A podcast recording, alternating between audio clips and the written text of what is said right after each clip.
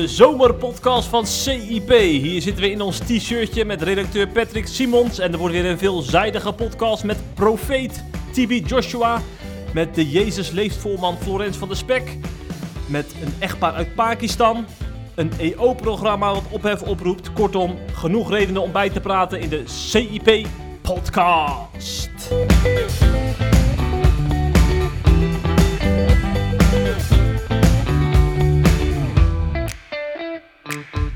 Rechtstreeks van het terras komt hij. Patrick. Zo, en dat was lekker, Jeffrey. Ja, voor je het? Ja, ik heb genoten.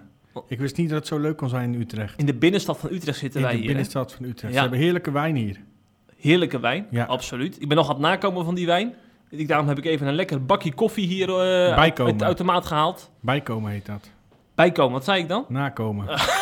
Je zit niet meer op school, hè? je kan het wel zien, ja. Je kan het wel horen. hè? ja. Nou, maar het, was, het is een goede wijn, laten we het daarop Ja, houden. ja. En heerlijk geluncht, hè? Dat, we, dat, is niet, Ja. dat de mensen niet denken dat we alleen maar daar zijn om te drinken. Natuurlijk niet. Nee, Nee, we hebben Nee, heerlijk, heerlijk broodje we moeten ook nieuwe krachten opdoen voor het. middagje podcasten. Precies. Ja, want er is genoeg te bespreken namelijk. Maar dat doen we pas na de ergernis van de week.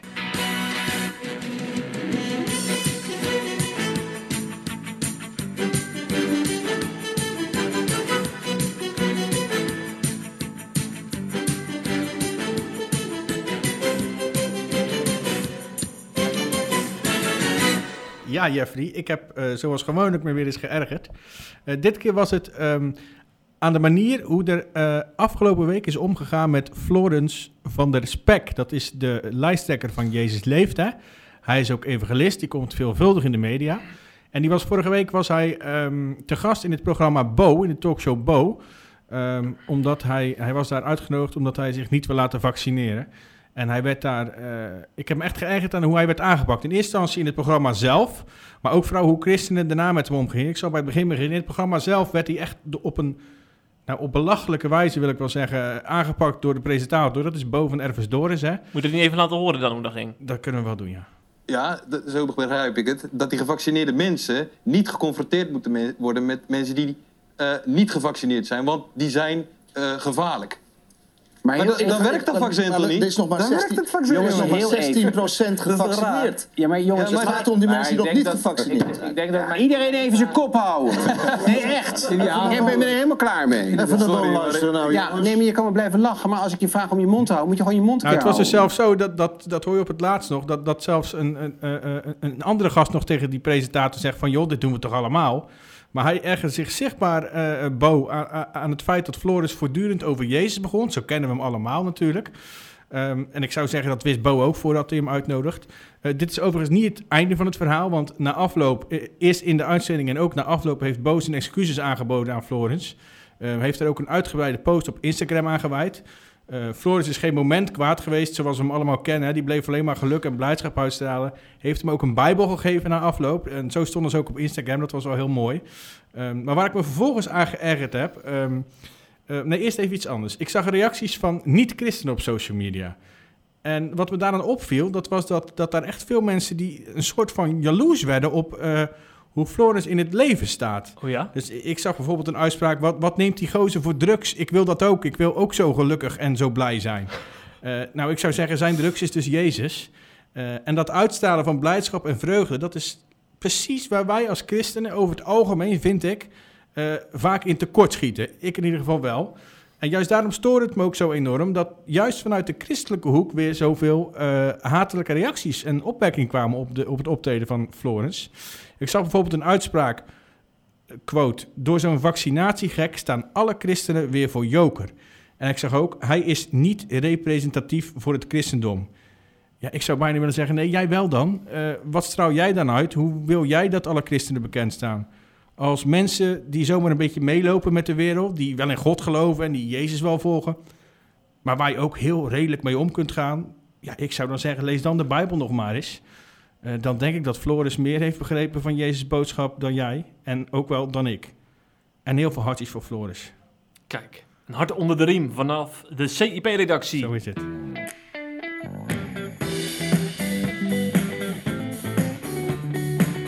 Het laatste nieuws uit christelijk Nederland bespreken we in de CIP-podcast.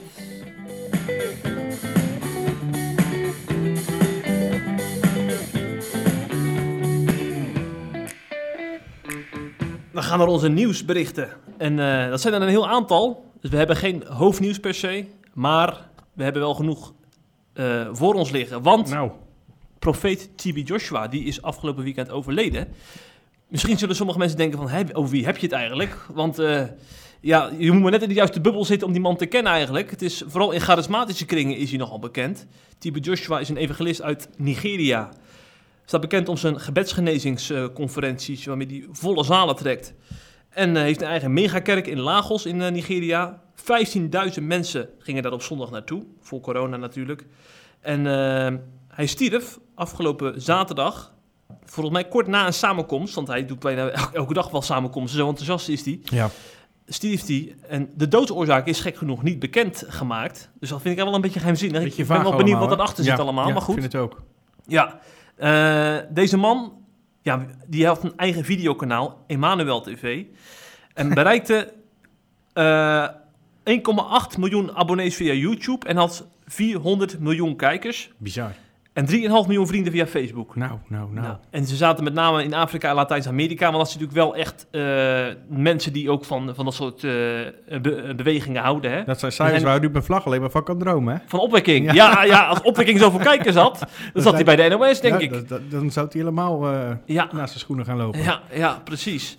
Maar wij Nederlanders zijn natuurlijk wel een beetje te nuchter, eh, eh, denk ik, voor dat soort types. Maar alhoewel, eh, Nederlanders hebben ook geflirt met hem in zijn hoogtijdagen. Want in de jaren negentig eh, eh, begon hij zeg maar een beetje op te komen. En in 2012 hebben we daar op CIP ook wat berichten aangeweid toen Ja. Nederlanders naar Nigeria gingen om hem op te zoeken.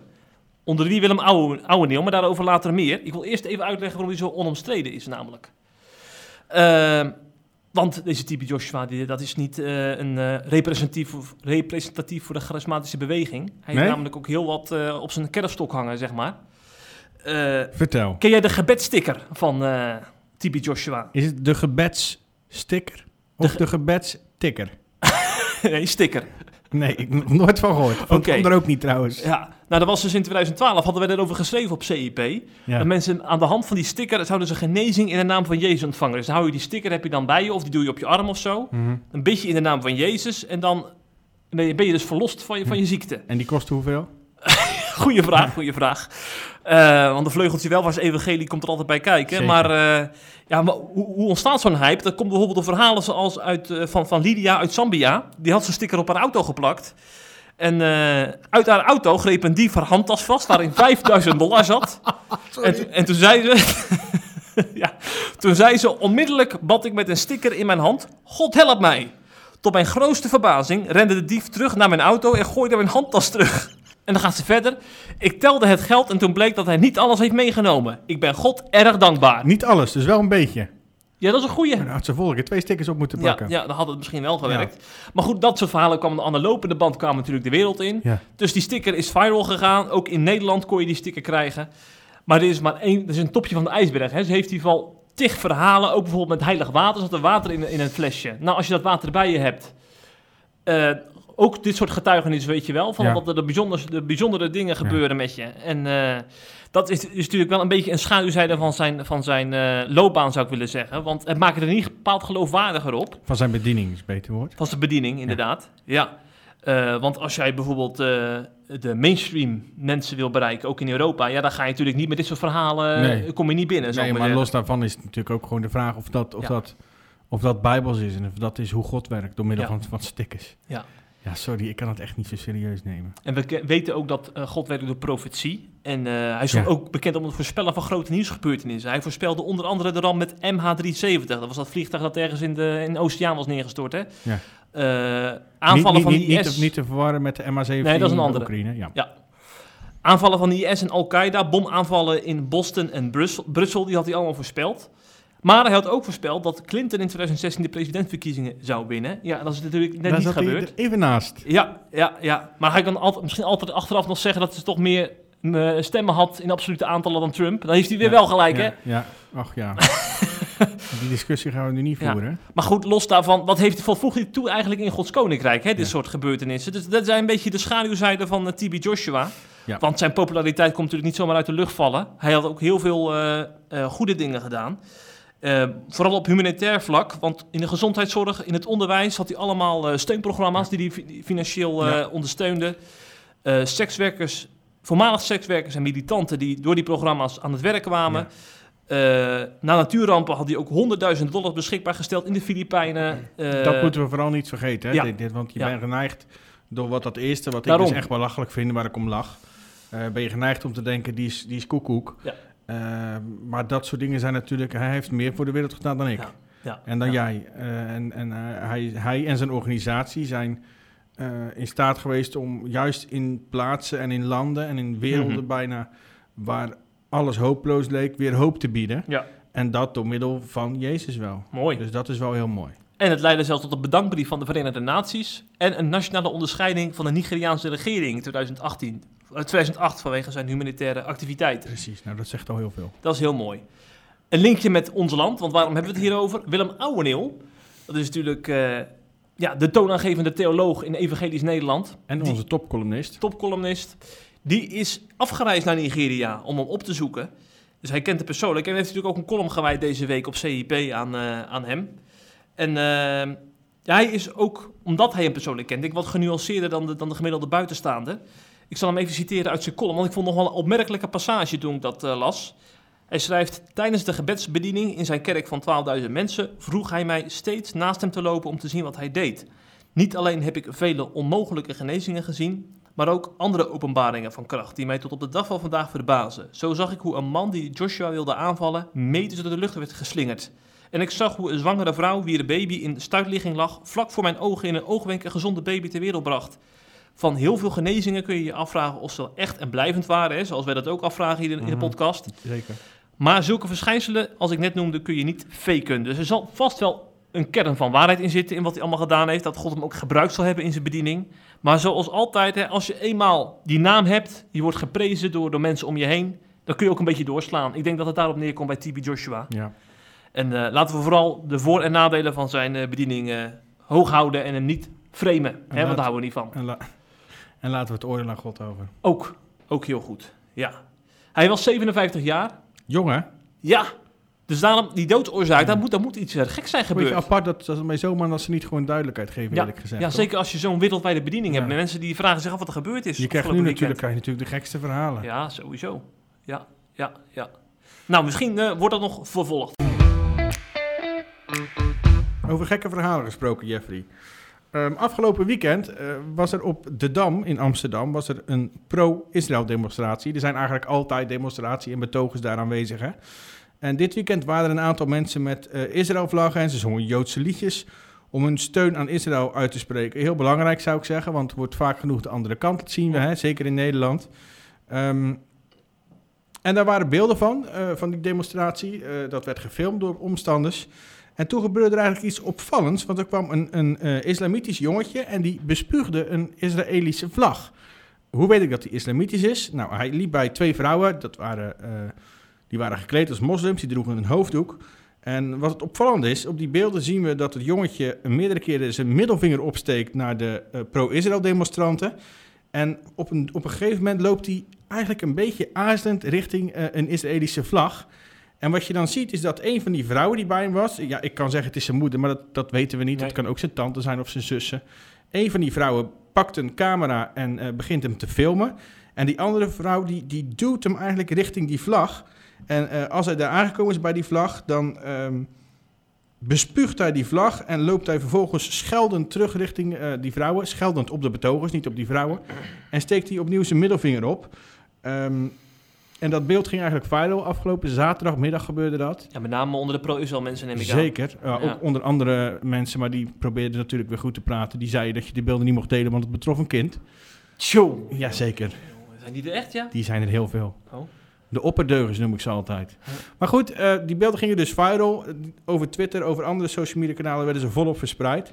En er stond behoorlijk veel ophef en er werd ook veel op gereageerd. Ehm, kijk, zo werkt indoctrinatie, reageerde Esther Voet. Dat is de hoofdredacteur van het Nieuw Israëlitisch Weekblad. Ook Annabel Nanninga, de fractievoorzitter van de politieke partij Ja21 in Amsterdam, reageerde. En zij zei, hier wordt zichtbaar wat er achter veel voordeuren in onze dorpen en steden leeft. Haat, van generatie op generatie. En daarmee doelt ze natuurlijk ehm, haat vanuit eh, de islamitische gemeenschap richting Israël, richting Joden ook. Vooral dat tweede. Ik snap dat je bijvoorbeeld heel kritisch kan zijn op Israël, maar dat is iets anders nog dan Jodenhaat. Eh, Alex ten Katen, ons niet onbekend, heeft meerdere keren op SIP gestaan. Die reageerde ook op Twitter en hij zei: Het kind is niet wat er erg is aan het filmpje, maar het gaat om die twee vrouwen. De een duwt het kind en de ander maakt er een filmpje van. Dat is het erge. Hanna Lude, eh, dat is de directeur van eh, Centrum Informatie en Documentatie Israël, CIDI, ons ook wel bekend uiteraard, die eh, reageerde op het gebeuren tegenover de Telegraaf. En zij stelde dat wat er op de Dam nu gebeurde, dus dat, dat, dat incident met het kind, dat het eigenlijk past in een grotere trend die we op dit moment zien eh, in, in Nederland en eigenlijk in heel Europa. En dat, is namelijk, dat vind ik eigenlijk het belangrijkste van heel dit item. En dat is namelijk haat tegen Israël. Zij zei, de beelden laten heel goed zien wat er misgaat in de opvoeding van kinderen. Je ziet dat er van jongs af aan haat tegen Israël wordt ingepraat. En dat is heel zorgelijk. Ze noemen daarbij ook een voorbeeld van Joodse kinderen die op dit moment gewoon in Nederland op school worden uitgescholden voor moordenaar. Alleen maar omdat ze Joods zijn. Dus ik zou zeggen, laten we daar blijvend aandacht aan besteden. En laten wij vooral uh, een tegengeluid horen. Omdat op dit moment in Nederland uh, heel vaak uh, horen dat Israël degene, de agressor is. En degene die Palestijnse gebieden bezet. Die zelfs genocide pleegt, heb ik gelezen. Um, dus ik denk dat het heel belangrijk is dat onder andere wij laten horen dat er ook een andere kant van het verhaal is. En dat we altijd en overal moeten blijven vechten en strijden tegen antisemitisme. En het ook bespreekbaar moeten blijven maken. Ja, ja ik, ik las iemand die deze oproep van jou wilde op Twitter. Maar dat er dan iemand reageerde van ja, dat kun je dan wel roepen. Maar ik word uitgescholden voor moordenaar. Het heeft allemaal geen zin. Dat oproepen uh, tegen antisemitisme. Ja, dat is natuurlijk er moeten wel de goede, Ja. de goede mensen moeten dat wel... Ja, voor- Tuurlijk, maar de- de- ja, aandacht geven aan een probleem is natuurlijk het eerste Ja. eh, in de oplossing van een probleem. Hè? dat ben ik met je eens. Eh, als, er, als de pers en de media ergens aandacht aan geven, dan zie je wel vaak dat er een soort van kettingreactie ontstaat. Eh, bovendien hebben wij, Kamervragen en zo. eh, precies, bovendien hebben wij gelukkig eh, een aantal grote partijen in, eh, in, eh, in, eh, in het Nederlands, in de Nederlandse Tweede Kamer, die eh, pro-Israël zijn en die zeker uitgesproken antisemitisme Ja. zijn. Ik noem Ja. VVD, die zich daar actief voor inzet. SGP natuurlijk, ChristenUnie, PVV. Dus ehm, zolang de media er aandacht blijft geven, dan komt het ook in, in, eh, bij de regering, of bij de regering, dit is nu geen regering, alleen demissionair, maar dan komt het ook in de Tweede Kamer ter sprake. Mhm. Dus dat, dat vind ik een beetje makkelijk om te zeggen. Ja. Tuurlijk word je nog uitgescholden voor moordenaar. Ja, dat is, ja, dat betekent niet dat je er niet tegenuit moet spreken. Ja, ja, ja. En er is ook iemand die dat moet doen, hè? Stel je Ja. voor dat we allemaal zouden zwijgen. Dat is ook Precies, precies. zo. Ja, We weten allemaal wat er dan gebeurt, hè? Van 70 jaar geleden. ja, wat daarvan komt. Precies. Ja. We gaan naar de evangelische omroep, onze vrienden uit Hilversum. Eh, want zij maken natuurlijk mooie programma's, hè? Eh, dat weten we. Maar soms levert een nieuw programma ook kritiek op. En dat is vorige week het geval geweest op Twitter. Want binnenkort wordt eh, het programma uitgepreekt, uitgezonden. Eh, een EO-programma waarin drie dominees aan het woord komen... eh, die hun ambt niet meer kunnen uitoefenen om verschillende redenen. Ja, dat zijn Ern, Ernest Ouwejan, Peter van der Laan en Gerard Rinsma, om precies te zijn. Er is er trouwens één afgevallen, Kees Stam. Vanwege persoonlijke omstandigheden is, dat programma, is die aflevering teruggetrokken. Ik denk ook omdat er allerlei nieuwe ontwikkelingen zijn in zijn zaak. Hij heeft een gemeentelid zwanger gemaakt en is eh, daardoor ook in dat eh, programma kandidaat geweest om mee te doen. Eh, maar die andere mensen, dat is ook niet mis wat daarmee gebeurd is. Gerard Riensma die werd op non-actief gesteld door de kerkenraad omdat hij een conflict had met hem.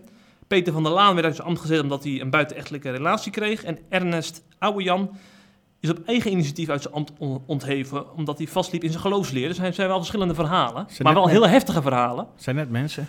Zijn net mensen, dat is ook denk ik het idee van het programma, om dat Ja. ook uit, te beelden. Hè? Mensen die op een voetstuk staan, om dus die andere kant van de zaak eh, te laten zien. Eh, maar, je weet hoe dat gaat, het programma wordt aangekondigd door middel van een persbericht en dominees waren not amused op eh, Twitter. Ik zal even wat mensen citeren. Dominee Tekelenburg uit Monster. Hij zei, het is mij ook niet helder wat het doel is van dit programma en hoe het zich verhoudt tot de missie en de visie van de EO. Bram Koens, hij is leraar aan de Driestar. Wat een ongelooflijk... En predikant. Wat een ongelooflijk slecht idee, zo'n programma, zegt hij. En dominee Bertjan Mouw uit Aalburg.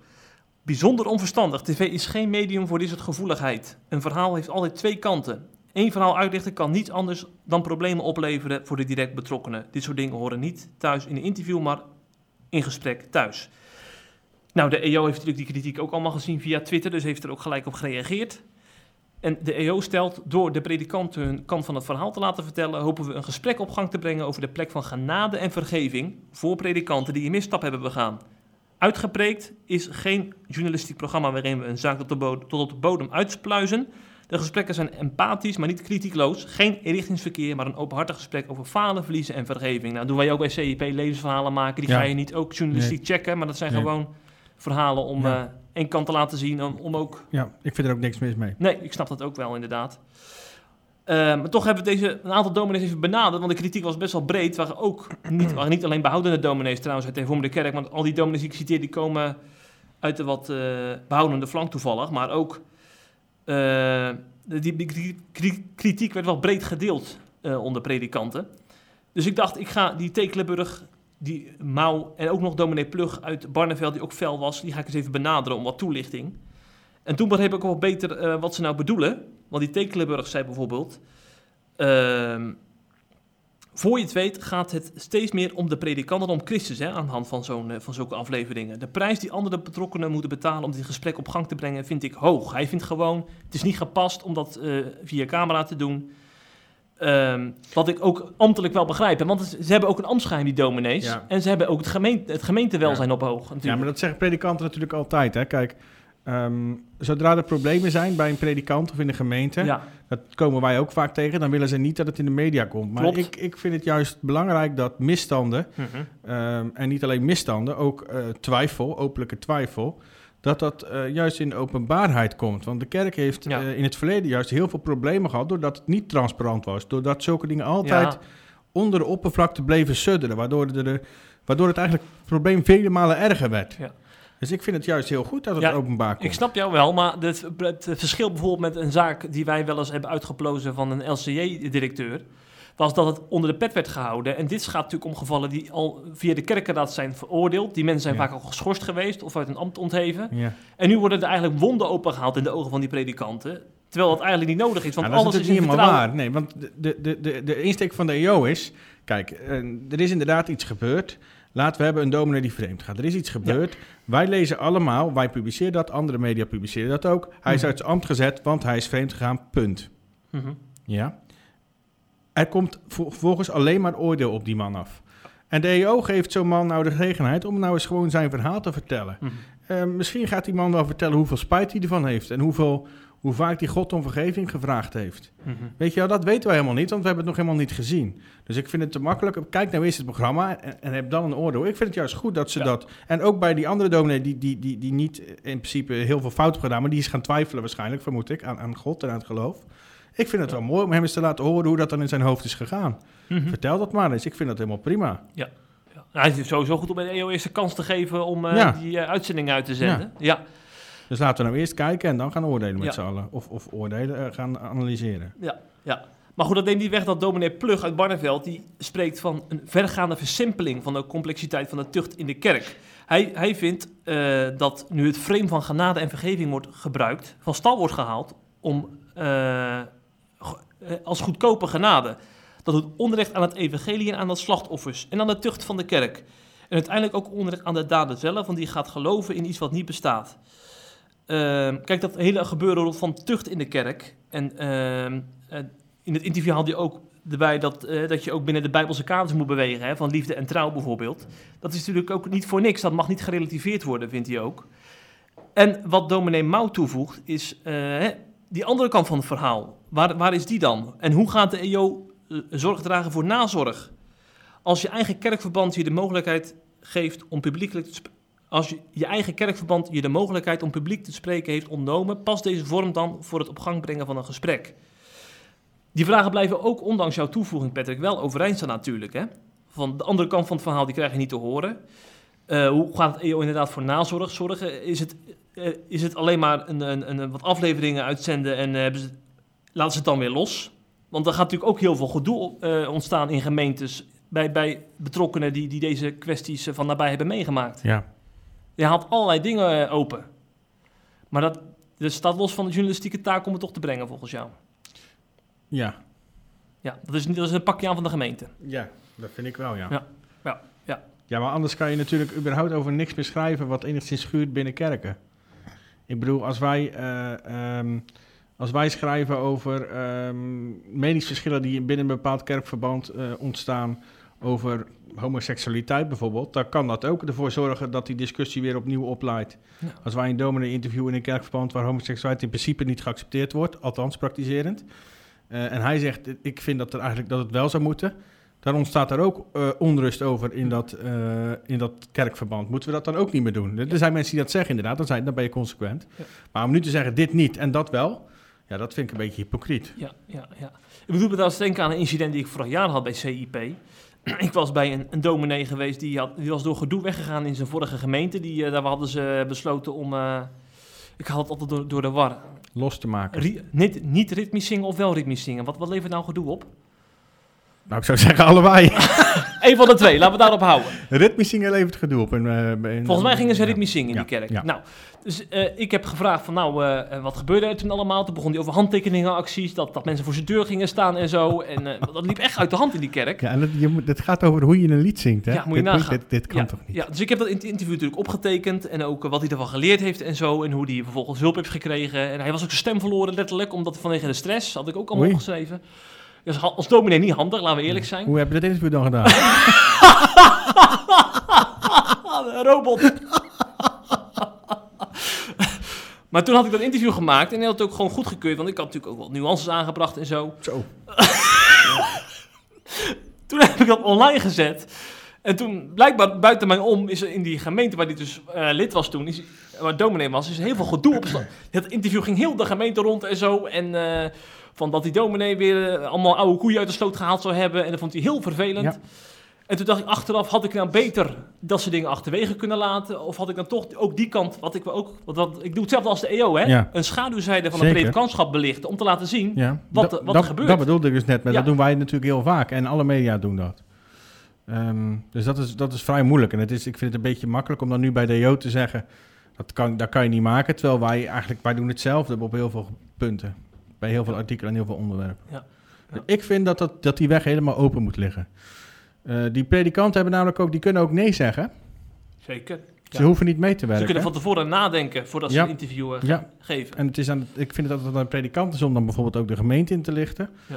Ik vind niet dat die taak en die verantwoordelijkheid bij de, eh, de EO ligt. Ja. Natuurlijk zullen ze, en dat zullen ze ook vast gedaan hebben, die gemeentes hebben ingelicht van tevoren.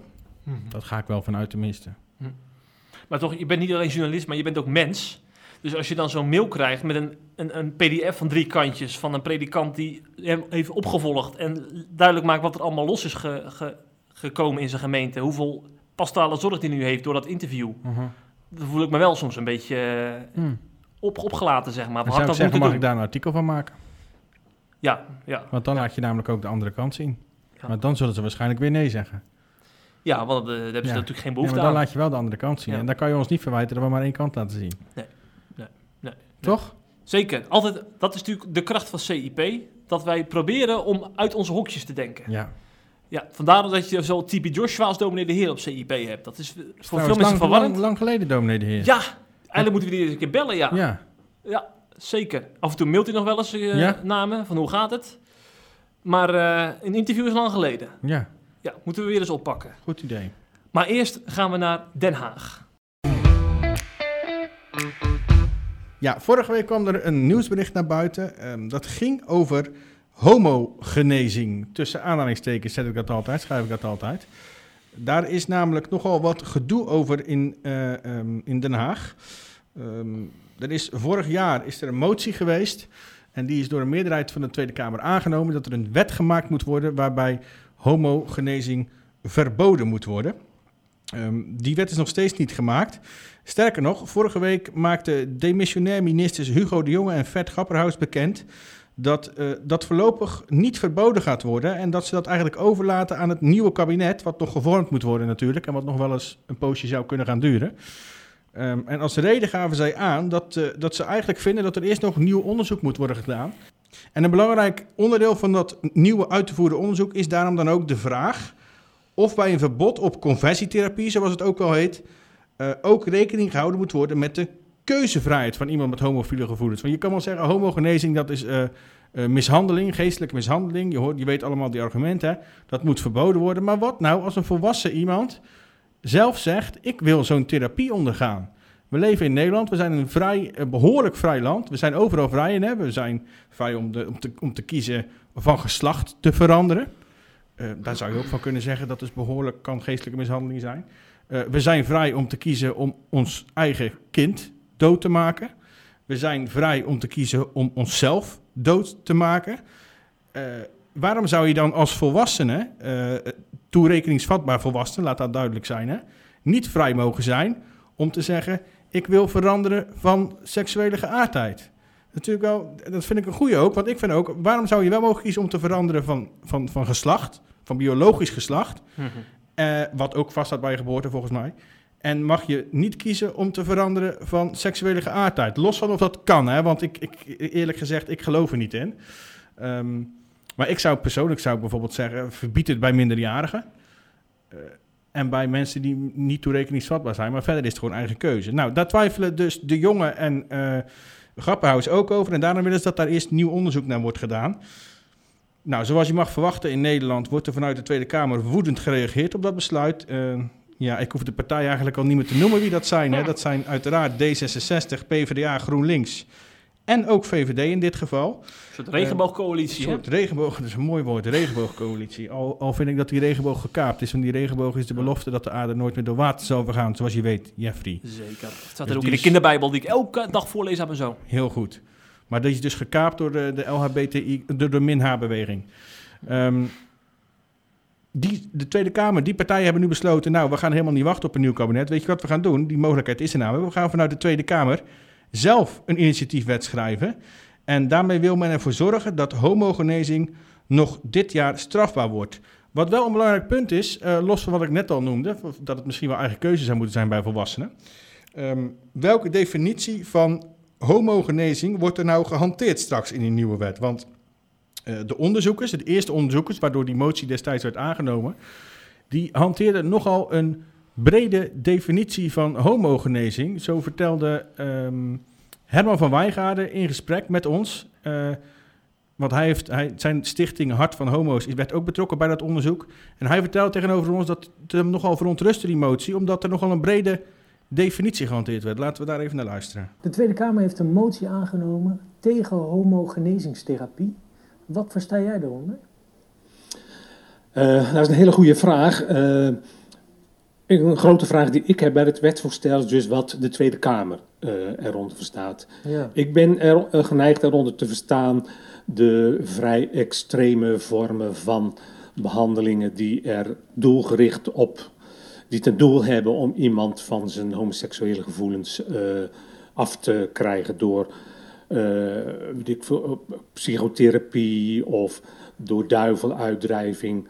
Uh, of, of, dat soort dingen. Tijdens het gesprek bleek al wel dat zij een hele brede definitie van uh, uh, genezings, homogenezingstherapieën erop nahielden. Dus niet alleen die dingen die ik net zei, maar ook alles wat in hun woorden erop gericht is om homoseksuele gevoelens weg te drukken of niet te praktiseren.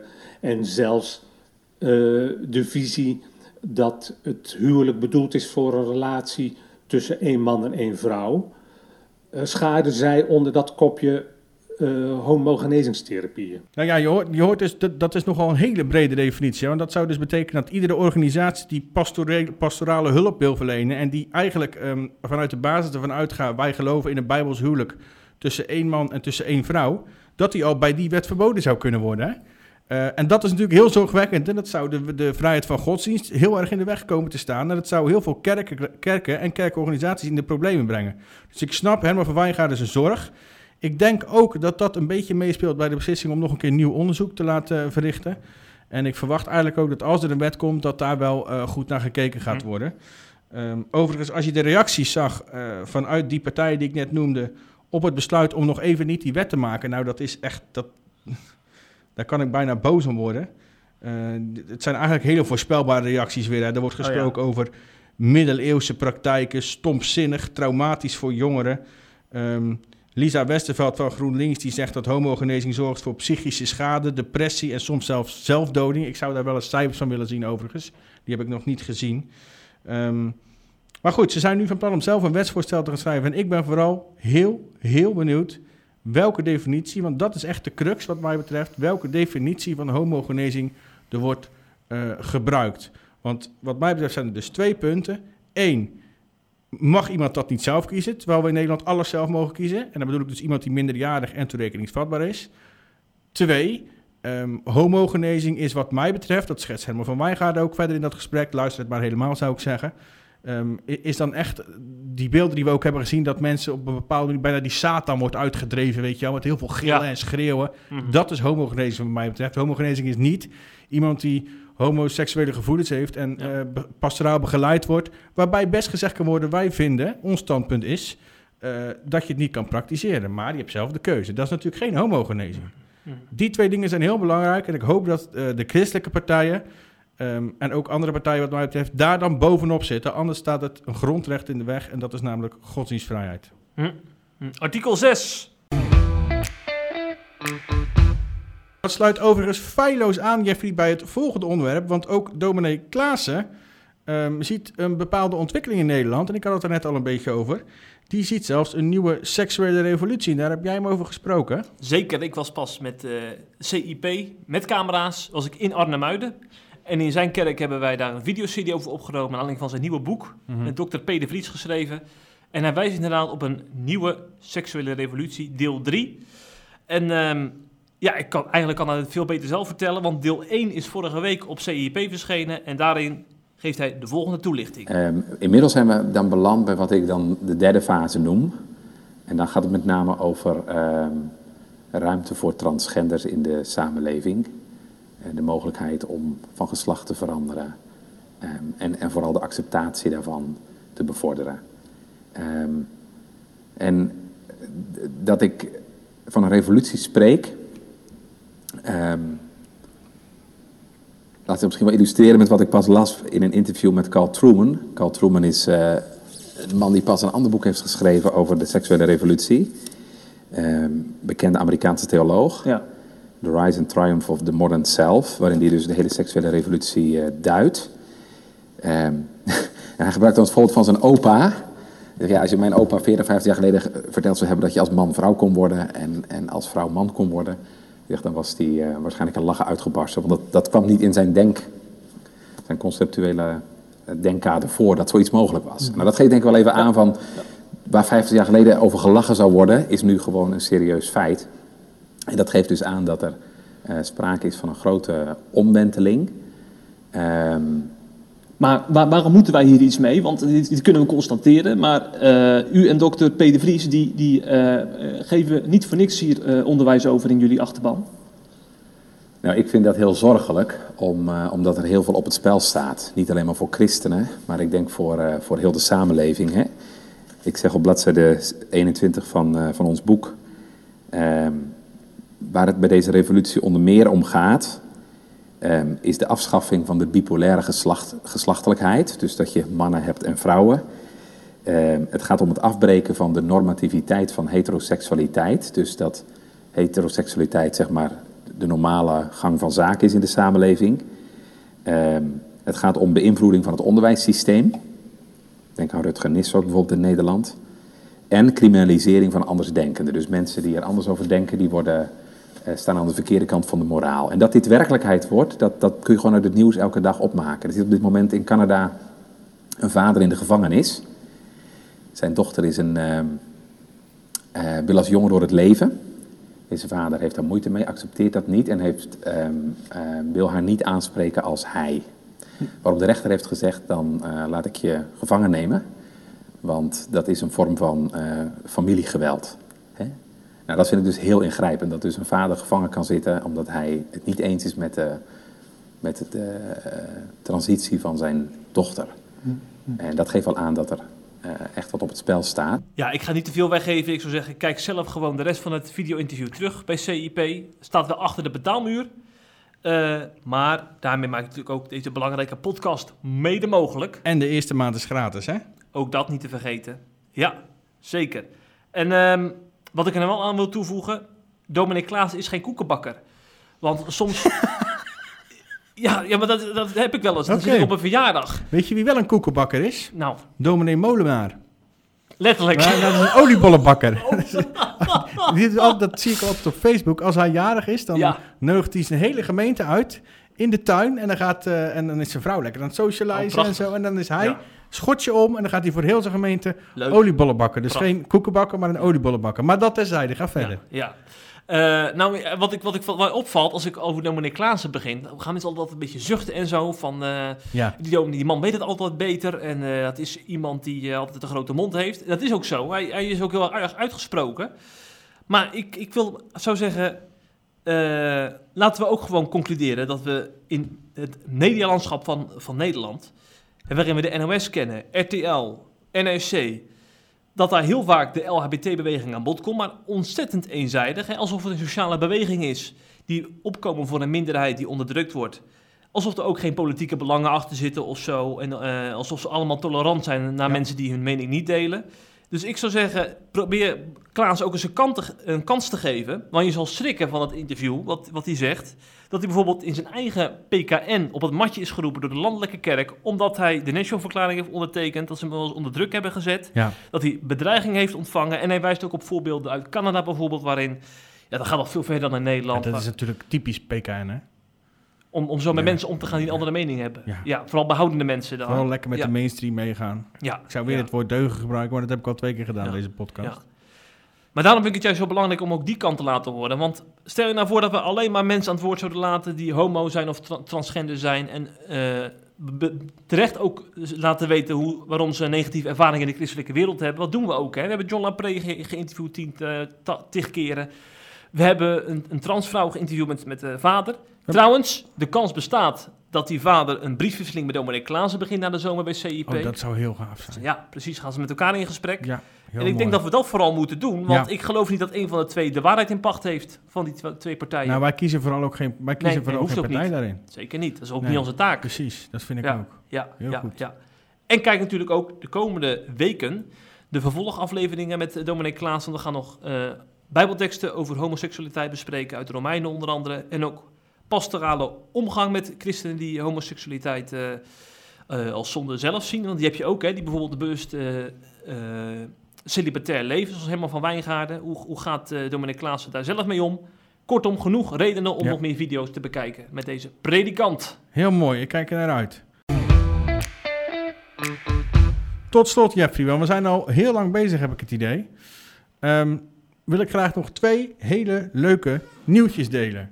Hele mooie en bijzondere nieuwtjes. Het eerste is dat eh, het christelijke echtpaar Shakufta en Shafkat in Pakistan... Ja. Die zijn vrijgesproken. Die werden zeven jaar geleden onterecht eh, ter dood veroordeeld wegens blasfemie. Een christelijk echtpaar is het.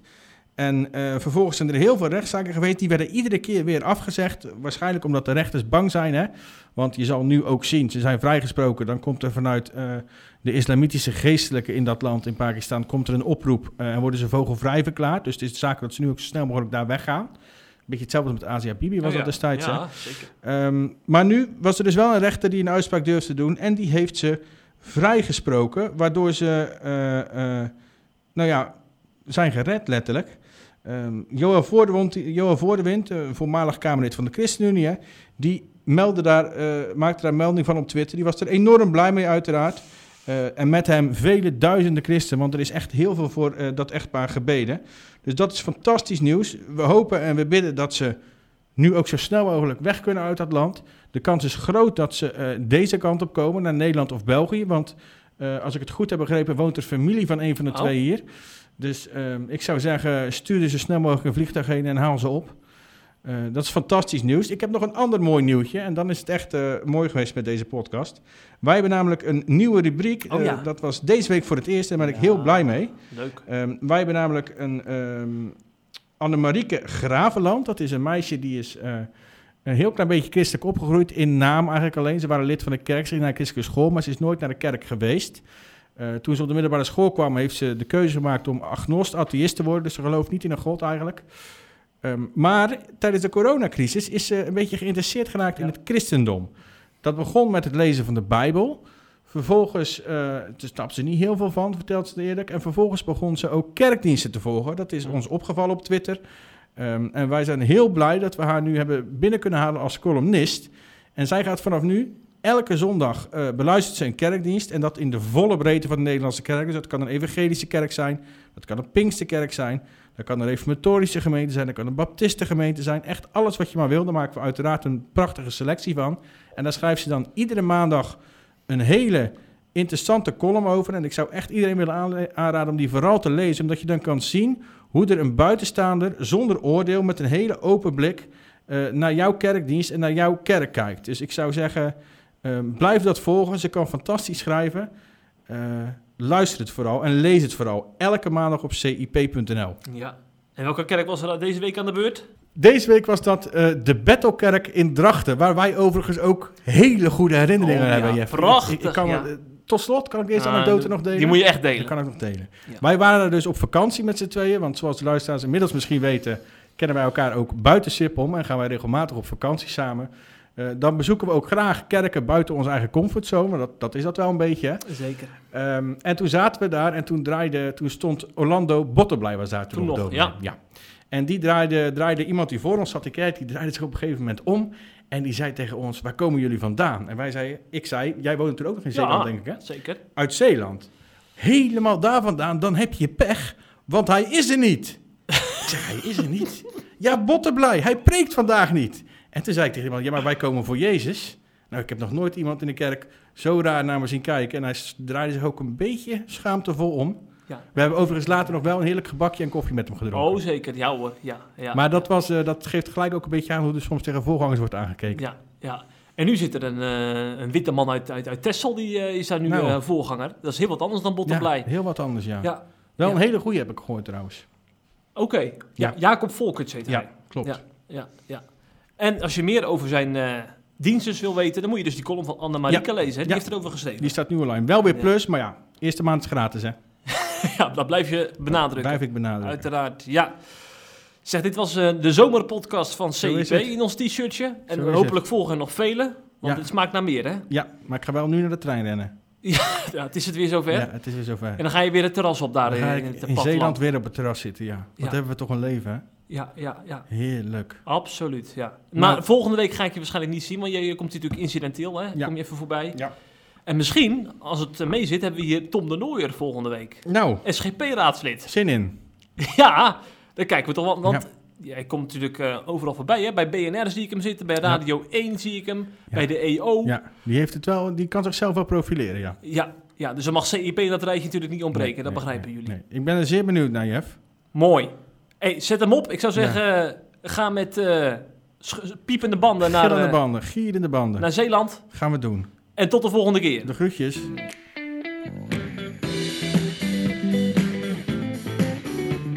Je luistert naar de CIP-podcast. Volgende week weer een nieuwe aflevering. Wil je onze artikelen lezen? Ga naar cip.nl en word CIP Plus lid.